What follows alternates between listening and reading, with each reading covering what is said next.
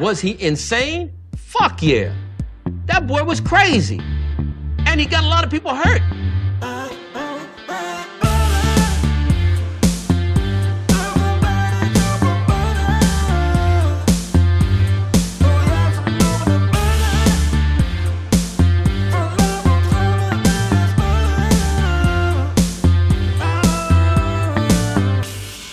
Like butter. I fucking love butter. I fucking love it. What's up, motherfuckers? Welkom bij een nieuwe aflevering van de Zonde van Je Tijd podcast. De podcast waarin ik niet alleen mijn eigen tijd, maar ook uw hele kostbare tijd ga verdoen met het uitkramen van absolute onzin. Ik hoop dat deze podcast u treft in gezondheid, want er gaat uiteraard nog steeds niks boven een blakende gezondheid. Terwijl ik even de deur dicht doe. En het is vandaag zaterdag en we pakken er de zaterdag editie van de krant erbij om weer nergens over te ouwe hoeden. En wat hebben we op de voorpagina? Waarom winkeliers Black Friday niet omarmen? Waarschijnlijk omdat het allemaal racisten zijn. Wahaha. Jochem Meijer, mijn boeken zijn tegengif voor de polarisatie. Zwart voor ogen, 7 jaar cel TBS geëist voor poging moord verloofde. Je kan ook gewoon zeggen dat je niet meer met haar wilt trouw houden. Vriendelijke reus met grote mond. De wel niet is in de Twinkelhof. Ik word gezien als transvrouw. Ik niet, maar dat is wat ik hier oplees. En natuurlijk hebben we de hartenkoning hier zo, koning Louis. En dan beginnen we natuurlijk elke zaterdagavond zoals we die elke avond beginnen. Beginnen met een column van Richard Kempers. In de hoop dat ik daarop ga gaan kankeren. Want dat vind ik natuurlijk uiteraard hartstikke fijn. Hoe zit het met het geluid hier zo? Yes. Ik begin me langzamerhand... Oké, Richard Kemper, bezet. Ik begin me langzamerhand ernstig zorgen te maken. Er heeft zich nog steeds niemand aan ons vastgeplakt. Niet aan ons podium, niet aan ons decor, niet aan mezelf. Dat betekent in deze tijd maar één ding. Wij zijn als kunstenaars niet waardevol genoeg om een statement mee te maken. Lekker dan. Bezetten is helemaal hot. Lijkt me toch frustrerend dat het inmiddels zo is ingeburgerd dat als je met je gele vestje landelijke talkshow bezet, even je Jinek niet verblikt of verbloost, maar rustig met je begint te babbelen alsof ze een schoolpleinmoeder op de markt tegenkomt. Wanneer moet jij luizen pluizen? Oké, ja, misschien moet je een keertje wat confronterend zeggen. Misschien moet je een keertje gewoon even wat schokkends zeggen. Die knuppel in de hoenderhok gooien.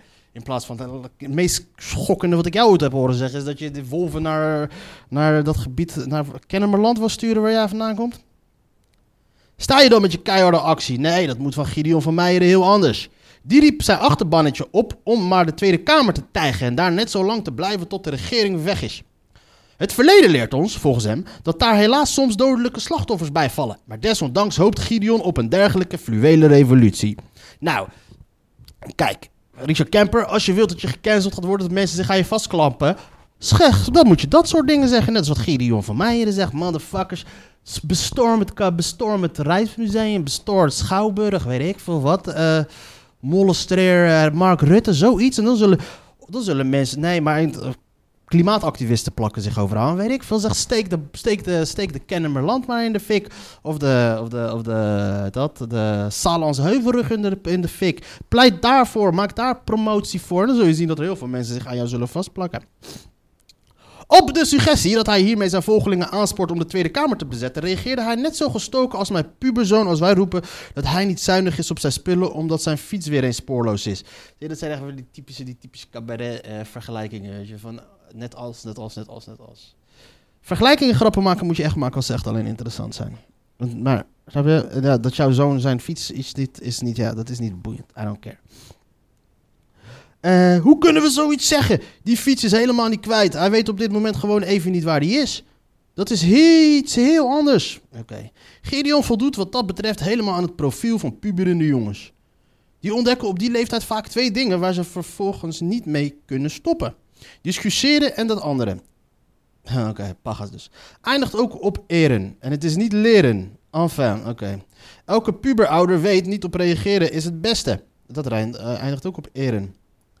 Elke repliek op een discussie is als reageren op de grappen van Gordon. Zolang je lacht, gaat hij door. Ja, dat is, Gordon is dus het nadeel van, uh, van het feit dat wij vinden hier in dit land dat, uh, dat homo's gewoon gelijkwaardig zijn aan de rest van, van de wereld. Kijk, en dat is, kijk, weet je, iedereen is gelijk in dit land. Iedereen heeft het recht om te doen en laten wat ze willen. En, en dat heeft dus zo zijn nadelen. Eh, homo-acceptatie. Hey, een van de nadelen van homo-acceptatie is Gordon. Ehm, dat bezette hot is, weet inmiddels ook Leeuw Kleine. Zijn Jamie bleef lekker plakken in zijn stulpje toen Leeuw alweer terugkwam van het uitdeuken van zijn Range Rover. Niet weg te krijgen. Leeuw dacht nog even, aha, dat bedoelt ze dus met het huishouden. Fucking open mic bullshit. Wat is dat toch met bezetten? Stelletjes laten ook vaak weten dat hun partner bezet is. Heel subtiel op Facebook of Instagram. Als, dat, als de ene een foto van zichzelf post in de sportschool, zet de andere dan 16 hartjes onder met de kwijlerige. Vanavond sporten we nog even door. Een soort markeren van honden die hun territorium afbakenen door langs de rand te plassen. Zolang er mensen zijn, wordt er bezet. De Gazastrook. Oh, kijk, je gaat eindelijk een keertje wat inhoudelijk op uh, diepere stof. De Gazastrook, Oekraïne, het Capitool in Amerika. De stoel van de minister-president. Ah ja, kijk, wel een goede opbouw. de opbouw, je doet het echt daarvoor.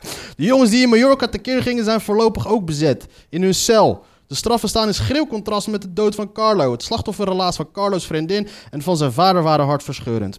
Tegelijkertijd denk ik aan de ouders van die jongens, ook slachtoffers. Hoe een cocktail van hormonen, groepsdruk, drank en onaffe hersenen alles in één bezette moment kapot kan maken. Misschien stonden die ouders zelfs niet eens zo lang geleden ook in een geel hesje, maar dan langs de weg. Als klaar over om een kroost veilig naar de overkant te loodsen. Mislukt. Bezetten en bezeten. Het scheelt maar één letter, de T, van heel erg triest voor iedereen. Ja, ik vind het nog ineens zo'n hele slechte column.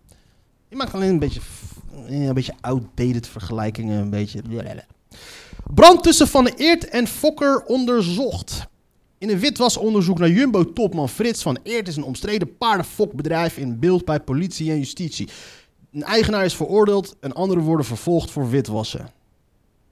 You fucked up.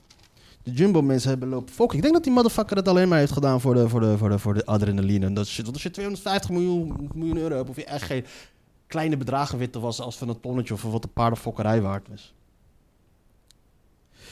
Ga ik dit lezen van, uh, van deze hele. Het klinkt wel zo goed verhaal.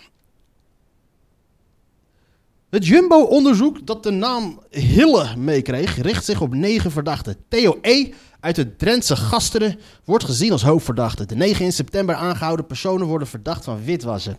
Volgens het OM zou dat gebeurd zijn middels sponsorcontracten, onroerend goedtransacties, autohandel en onverklaarbare contante stortingen. Kijk, als je fucking rijk bent, dan, dan is elke contante storting gewoon te verklaren. Ja, hoe komt het dat u... Uh, Oké, okay, stort... Uh, kunt u verklaren waarom, uh, waarom u zoveel geld bij je hebt? Ja, omdat ik kankerrijk ben, motherfucker. Bronnen rond het onderzoek naar de vanwege affaire teruggetreden Jumbo-baas en Theo E. melden dat de zaak steeds omvangrijker wordt. Er lopen meerdere aan elkaar gerelateerde onderzoeken. De aanvankelijke planning was dat er in 2023 een inhoudelijke zikting zou volgen, maar dat wordt waarschijnlijk 2024. Nou, nu blijkt richten politie, OM en Field zich in het onderzoek voor een belangrijke deel van het paardenfokbedrijf Nijboer Stables in Assen. Het bedrijf dat gespecialiseerd is in het fokken en opleiden van sportpaarden en handel erin. Paarden is, een goede business. Dat al langer in de belangstelling van justitie. Oké, okay, fucking boeiend, boeiend, boeiend, boeiend, boeiend. Motherfucker komt er toch wel goed mee weg. Hij is fucking rijk. Hij gaat de allerbest. Krijgt hij een fikse boete. Hij gaat nooit de bias in. Als er wat gebeurt. Fikse boete. Want ook hier in Nederland hebben ze gewoon een soort van klassejustitie. Ja, gaat niet goed gedaan in de gevangenis tussen al die Marokkaantjes.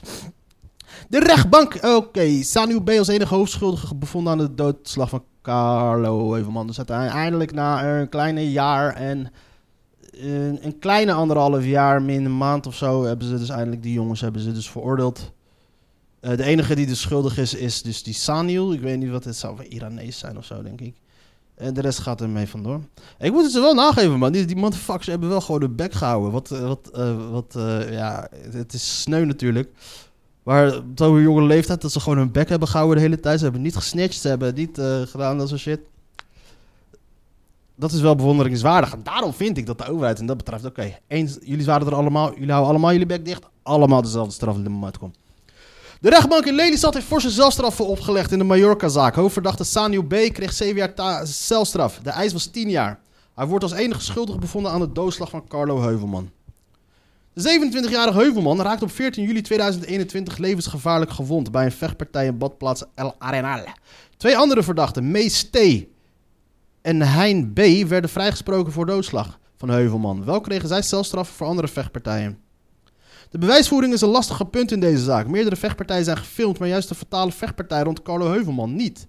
Wie heeft wat precies gedaan? Die moeilijkheid bleek wel uit de vrijspraak door Hein en Mees voor doodslag op Heuvelman. Daarom hadden jullie die motherfuckers gewoon lekker in Spanje moeten laten. Dan gingen ze daar lekker creperen en daar hebben ze... De rechtbank sprak van een onbevredigend resultaat. Nu niet kan worden aangewezen wie Saniels mededaders waren. Maar niet kan worden vastgesteld dat dit Hein of Mees was.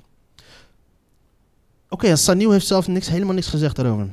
De rechtbank wees wel Lucas O aan als man die Heuvelman twee keer schopte, maar O werd in deze zaak niet vervolgd voor doodslag van Heuvelman. Wellicht dat dat in hoger beroep alsnog kan gebeuren. Dat is toch, raar, maar als de rechtbank kunnen bewijzen dat deze man hem heeft geschopt, dan gebeurt dan toch. De rechtbank leek een voorbeeld te willen stellen door de uitgaansgeweld van de verdachte keihard te bestraffen. Ja, straf, de, straf alleen de buitenlander. Met andere woorden, laat geen buitenlanders meer naar binnen. De rechtbank leek een voorbeeld te willen stellen. Schuldig aan diverse vechtpartijen. De 20-jarige Hilversummer ontkent Heuvelman iets te hebben aangedaan, maar daar hechtte de rechtbank geen waarde aan. De rechtbank stelt dat B eerder ook andere mishandelingen ontkende die alsnog toe moest geven op basis van beelden. Was volgens de rechters verschrikkelijk in de fout gegaan. Hij nam de kans op het overlijden van zijn slachtoffers voor lief door bijvoorbeeld naar hoofd te schoppen. Werd gesteld. Voor diverse andere vechtpartijen werden straffen uitgedeeld, net als voor vechtpartijen waarbij Carlo Heuvelman om het leven kwam. Vier verdachten werden veroordeeld tot 30 maanden celstraf. Het gaat om Hein B., Mees T., Kaan B. En Daan van S. Deze Hilversummers werden net als Sanio B. direct na de zitting afgevoerd naar het cellenblok. Tegen Mees, 8 jaar, en Hein, 8 jaar, was fors meer geëist. Tegen diverse verdachten juist ruim minder dan gevonnist. Lucas O. werd veroordeeld tot 18 maanden en geva- gevangenisstraf. Daarbij putte de rechtbank uit berichten die O. zelf had verstuurd... en waarin hij aangaf dat hij die guy schopte. Ja, dat je niet moeten zeggen. Aangenomen is dat het om Heuvelman gaat. Aangenomen of eh, bewezen. Stan F. kreeg 12 maanden celstraf opgelegd, waar het OM een taakstraf had geëist. F zou alleen een schop onder een hol hebben uitgedeeld, maar de rechtbank rekende Hilversummer zijn aandeel in het geweld toch fors aan. Zijn advocaat gaf tegen het ANP aan in hoger beroep te gaan. Ja, ik denk dat deze jongens er met, op, op hoger beroep met veel minder af gaan komen. Ik denk dat deze rechters gewoon deze fors hebben gestraft als in VO. Neem ons niks kwalijks en dan zadelen ze de Hoge Raad maar op. Of de beroepsrechter of de Hoge Raad maar op met, de met de feiten. De lichtste straf was voor Lars van den Haan. De 20-jarige Hilversummer vormde feitelijk de aanleiding voor het geweld. Hij kreeg in de café de zaak ruzie om een stoel en ontving een klap. Hij ging met zijn vrienden verhaal halen en zo ontstond de eerste grote vechtpartij. Van de H kreeg 150 uur werkstraf en een voorwaardelijke gevangenisstraf van twee maanden. Martijn T. ging als vrije man de rechtbank uit. Hij werd vrijgesproken voor het plegen van openbaar geweld op Mallorca. Wel wordt T. nog altijd verdacht van het plegen van mijn-eed, liegen onder Ede. Edwin Bos, advocaat van de familie Heuvelman, sprak van een gemengd gevoel bij de familie. Aan de ene kant is er iemand aangewezen als dader van de dood van hun zoon en vriend, maar tegelijkertijd weten zij dat de veroordeelde Sani B. het niet alleen deed en dat ze niet weten wie nog meer betrokken is bij Carlo Heuvelman. Bij de vriendin van Carlo is het hard aangekomen dat er wordt getwijfeld aan het feit of zij en Carlo samenwoonden. Door die twijfel werd door haar geëiste schadevergoeding van zo'n 300.000 euro slechts voor zo'n 17.000 euro toegekend. Wauw. Maar als je samenwoont, dan kan je dat toch laten zien, of niet? Ja, het is, eh, ja, dat is dus, eh, ja, dat is dus eh, rechtspraak. Is dat, ja, als het niet keihard bewezen kan worden, dan heb je het gewoon keihard moeilijk. En als deze mannen gewoon continu hun bek blijven houden, dan is het, ja, dan kan je er vrij weinig mee doen. Ik denk dat het in hoger beroep dat deze zaak wel, die gasten sowieso die die 30 maanden hebben gekregen en dat soort shit, dat die wel wat minder gaan krijgen. Chaotische taferelen in de rechtbank. Grote cons- consternatie in de rechtbank na afloop van het vonnis. Vijf verdachten werden afgevoerd naar het cellenblok. Hun voorlopige hechtenis was met de uitgedeelde stra- celstraffen opgeheven. En meest... EK moesten mee naar de cel. Voor veroordeelde Lucas O. en Stan F. volgde buiten de rechtbank nog een onaangename verrassing. Zij kregen weliswaar gevangenisstraffen aan hun broek, maar hoefden in de rechtszaal nog niet mee naar de cel. Gestraften hoeven na een veroordeling vaak niet direct naar de gevangenis, maar krijgen bijvoorbeeld een brief thuis met de dag waarop ze zich moeten melden. Peuk. Buiten de rechtbank werden O en F, die volgens de advocaat even een peuk rookten, alsnog mee naar binnen genomen. Ja, laat zit het gewoon mak. Advocaat Jaap Willem Rosemond van Stan F. beende vervolgens woedend door de rechtbank. Advocaat Joost Vedder van Lucas O. probeerde een rechtbankmedewerker direct tot actie te manen. Hij sprak van een misverstand. Hoe houdt het in je hoofd om die jongens vast te zetten als je een lijstje hebt gehad met wie wel en wie niet mee moest, zei de Rosemond. Eerder op de dag was juist vrij kalm in de rechtbank. Ah, oké. ze, wisten dus niet wie ze mee moesten nemen. Dankzij weet je wat we leren, we nemen ze allemaal mee.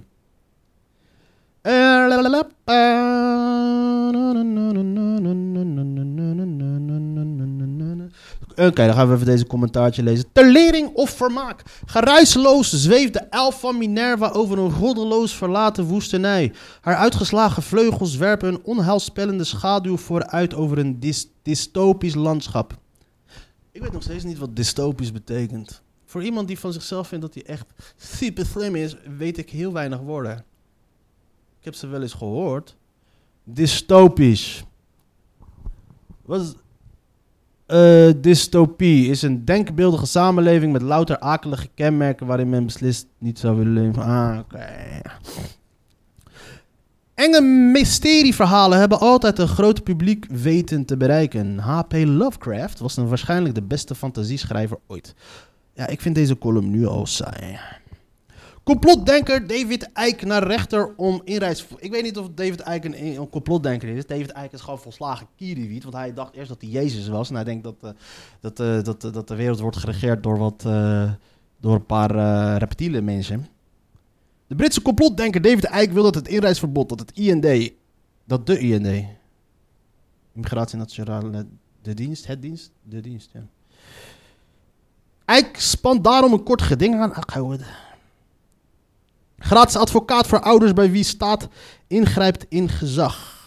Ja, ja, ja, dat kunnen we niet vergeten, want de overheid is dus nog steeds bezig met het kapotmaken van de bevolking zoals wij ze kennen, die moederneukers. Belangenvereniging, leerlingen in paniek door staking vervoer. Aantal asielverzoeken uit Rusland stijgt opnieuw. Yo, willen we die Russen hier wel hebben? Nu Russen proberen te ontkomen aan de mobilisatie voor de oorlog in de Oekraïne, begint ook het aantal asielverzoeken van Russen in Nederland te stijgen. De Immigratie- en Naturalisatiedienst telde de afgelopen maand met 89 aanvragen het hoogste aantal van het afgelopen jaar. Lerares Elena Belausova woont hier al 20 jaar en heeft veel contact met Russen die naar Nederland willen komen. Voorheen waren dat meestal politieke activisten of onderdrukte flikkers, homo's. Tegenwoordig zijn er steeds meer Russen die willen ontkomen aan de mobilisatie. Ze willen weg, maar kunnen niet, zegt Belausova. De IND merkt duidelijk een toename van het aantal asielverzoeken vanuit Rusland. Afgelopen maand waren dat er 89. Het hoogste aantal sinds het begin van de oorlog in de Oekraïne.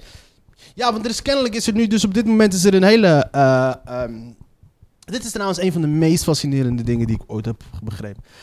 Was volgens mij even kijken. ehm, 1923.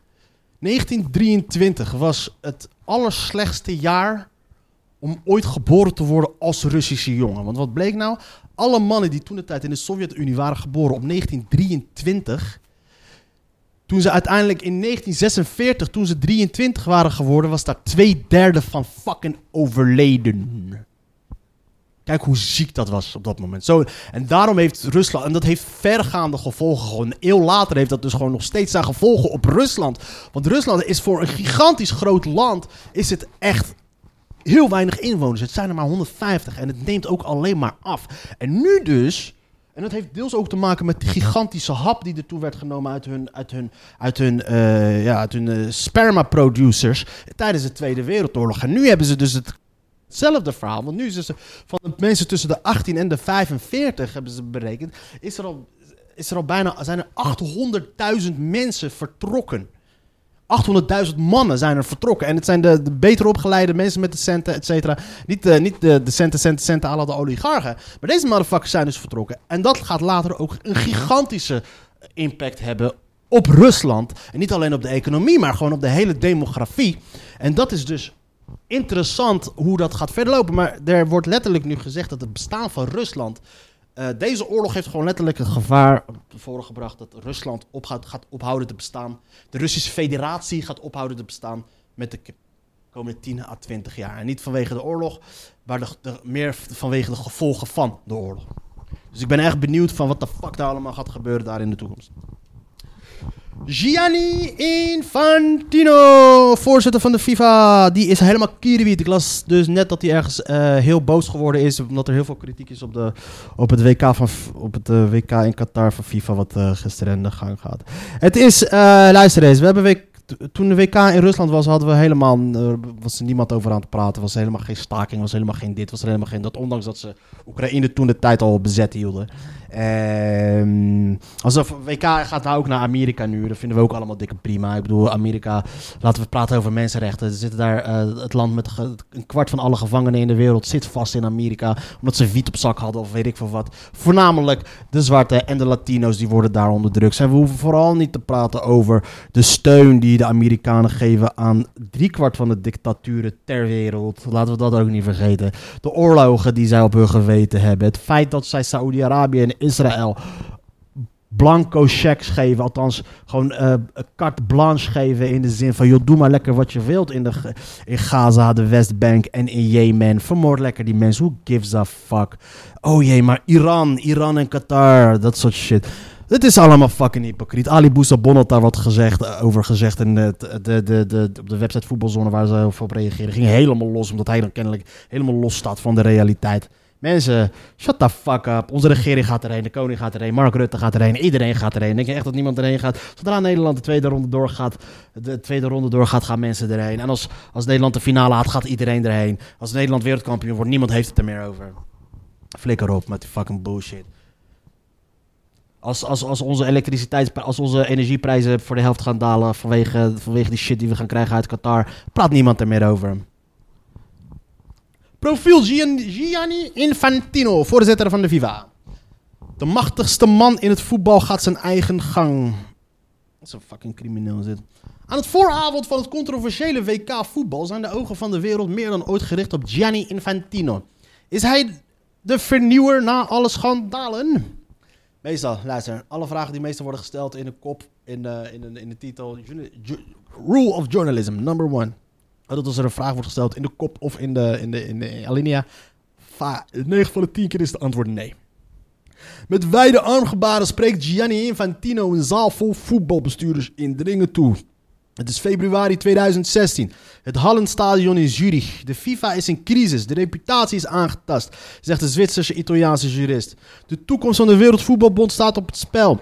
Na het aftreden van voorzitter Sepp Blatter en de arrestatie van topbestuurders op verdenkingen van corruptie met vier andere kandidaten strijdt de vrij onbekende Infantino om het voorzitterschap. Hij schakelt moeiteloos van het Italiaans, de taal van zijn ouders, naar het Duits. Hij groeide op in het Duitsstalige deel van Zwitserland en vervolgens van Spaans, Frans, Engels naar het Arabisch. Infantino wil zich presenteren als voorzitter voor alle continenten, met alle, voor alle ruim 200 nationale bonden. Smooth motherfucker. Een van de toehoorders die dag is Declan Hill, een Canadese professor en onderzoeksjournalist. Het valt hem op dat het hardst applaus klinkt als Infantino in zijn speech belooft meer geld vrij te maken voor de bonden. 5,5 miljoen dollar per bond per vier jaar, meer dan een verdubbeling. Het geld van de FIFA is jullie geld, roept Infantino. Hoewel Infantino in de buitenwereld het beeld creëert van een voorzitter die voor een nieuwe bestuurscultuur zal zorgen na alle schandalen, geeft hij bestuurders een duidelijke signaal dat zij met een stem op hem kunnen rekenen op meer inkomsten. De extra miljoenen zijn onweerstaanbaar, zeker voor de bonden uit de kleine landen. Met die campagne ook gericht op uitbreiding van het WK van 32 naar 48 landen, verslaat hij de favoriete Sheikh Salman bin Ibrahim Al Khalifa uit Bahrein. Sindsdien zit Infantino vast in het zadel. Zijn her- herverkiezing bij het FIFA-congres in Rwanda 16 maart 2022 staat al vast. Hij is de enige kandidaat. Het is gewoon fucking dictatoriale shit hier zijn. Gewoon eh, de, de mensen die voor, die voor jou kiezen, omkopen. En eh, er is gewoon letterlijk geen, niemand die tegen hem tegen de macht tegen hem ingrijpt. Infantino kwam bovendrijven in het machtsvacuum na de vele ma- malversaties in de bestuurlijke top van de mondiale voetbal. Hij werd uit het niets naar voren geschoven als kandidaat van de Europese voetbalbond UEFA, waar hij secretaris-generaal was. En nam de plek in van de UEFA-voorzitter Michel Platini, de gedoodverfde kandidaat die zich moest terugtrekken toen bleek dat hij in 2011 een dubieuze betaling van 1,8 miljoen euro van Blatter had ontvangen uit de FIFA-kas. Zes jaar later aan de vooravond van het meest controversiële WK-voetbal, hoe kan Michel Platini zijn hele, hele, zijn hele naam is eens en voor altijd gewoon verdoezeld. Dat was een van de beste Franse voetballers ooit. Al dan heeft hij gewoon heeft hij het helemaal verbloemd. Ja, verbloemd. ja, Heeft hij het helemaal verkloot. Zijn hele legacy is naar de. Geld, ja. Hoe geeft... Zeg jij maar nee tegen 1,8 miljoen.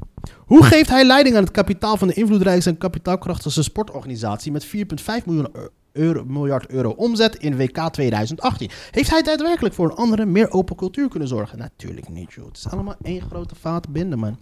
Heb ik wel zin om dit allemaal te lezen? Hoe lang ben ik al bezig? Ik ben al 24 minuten bezig. Kijk, de FIFA is zo corrupt als de motherfucker. Nu zijn ze dus heel erg boos vanwege het feit dat er eh, kritiek aan het komen is. Iedereen loopt er te zeiken. Ze willen, ze, willen, ze willen de social media van de spelers willen ze monitoren, zogenaamd om hun te beschermen tegen, tegen reacties, tegen haatreacties. Maar wat ze eigenlijk willen doen is gewoon monitoren wie wat allemaal zegt.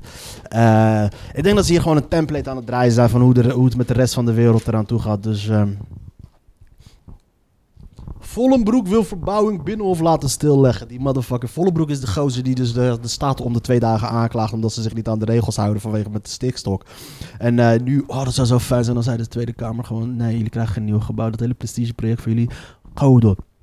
Vergunning aanvragen. Want kennelijk moeten ze dus een vergunning aanvragen. Want toen ze die ene viel dus... Voor, eh, ehm, de bouw van dat gebouw, van het eh, verbouwing, viel dus onder de vrijstelling. Maar nu die vrijstelling is teruggeroepen, moeten ze dus opnieuw een milieu, eh, ehm, een milieuvergunning aanvragen. Wat ze niet hebben gedaan, totdat deze man het, eh, het heeft aangekaart. En voor iedereen die boos is op deze man dat hij, eh, dat hij de zogenaamde Nederland lam legt, of de bla. Het is de regering. De regering is degene die zich niet aan de wet houdt. Het enige wat hij zegt, yo, het zijn de wetten, daar moet je je aan houden. Sting wil concert inhalen, want kennelijk had hij voice problemen. Geldnood bevrijdingspop, gratis festival in gevaar. Als het gratis is, waar komt er geld aan? Bij mensen met een uitkering meer uitgaan van vertrouwen. Het, het kabinet wil dat uitvoerings- en organisaties minder streng worden voor mensen met een uitkering. Ze moeten meer uitgaan van vertrouwen en rekening houden met persoonlijke omstandigheden. Oh, is, het, is, is, is, dat nog steeds iets wat er, eh, wat er niet wordt gedaan? Is dat nog steeds niet iets wat er wordt wat opgelegd moet gaan worden aan al die instanties hier naar de overheid, na dat hele gekanker, sorry voor mijn taalgebruik, bij de toeslagenaffaire. Motherfucker. Ook in de handhaving gaat het nodige verandering, maar nu pas. Geweldplegers gaan vrij uit. Mogelijke daders in 82 Noord-Hollandse strafzaken komen weg met mishandeling, bedreiging, diefstal en vernieling. Vanwege de werkdruk ziet het Openbaar Ministerie geen andere mogelijkheid dan het sluiten van deze dossiers. Dat leidt tot volle kritiek van slachtoffers op Nederland. 82 strafzaken worden dus geseponeerd. Zaken met de pleegdatum tussen 2010 en 2016. Veruit de meeste zaken betreffen eenvoudige mishandeling, eenvoudige diefstal, vernieling, bedrieg. Ja, kijk, diefstal, eenvoudige diefstal. Vernieling. Ja, wat is vernieling? In meer dan de helft van de zaken is sprake van een slachtoffer. En een uh, kruisboogschutter stak twee vrouwen dood. Kenzo K, dat is die hele luipa natuurlijk toen in Almelo die die hele shit... eh, besloten heeft gewoon om allemaal mensen gewoon helemaal koud te maken alsof het helemaal niks is. Mensen naar. Dit land is volledig aan het doordraaien. Eh, iedereen is volledig aan het doordraaien, maar wat doe je eraan? Ga- weet je wat, we gaan nog lezen. Het voelt als een nare droom, onecht. Dat zei de 29-jarige Kenzo K. vrijdag in de rechtbank van Almelo over het drama dat zich op 17 september vorig jaar afspeelde in zijn flatgebouw aan de Steinstraat in Almelo. Ik denk dat we allemaal wel die beelden hebben gezien van die motherfucker. Staat hij daar met de kruisboog onbloot bovenlijf. Onbloot bovenlijf. Dat hij net een fucking aflevering van Games of Thrones heeft gezien in combinatie met wat paddo's of zo. En dat daarna dacht, "Boo, bitches, winter is coming. En scherpschutter schakelde hem uit. Hij kan er zich helemaal niets van herinneren, zei Kenzo K. tegen de rechtbank. Het is één groot zwart gat. Ik kan gewoon niet geloven dat ik zoiets in staat ben. Ik heb er geen woorden voor. Je weet meestal wel of je tot zoiets in staat bent, ook al kan je je niet meer herinneren. Want je hebt zoiets waarschijnlijk ergens in je achterhoofd zitten. In de meerdere zalen ho- hoorden talrijke familieleden en vrienden van de 70-jarige Armeense Zonunt Kardankian en Maral Dermovajian het aan.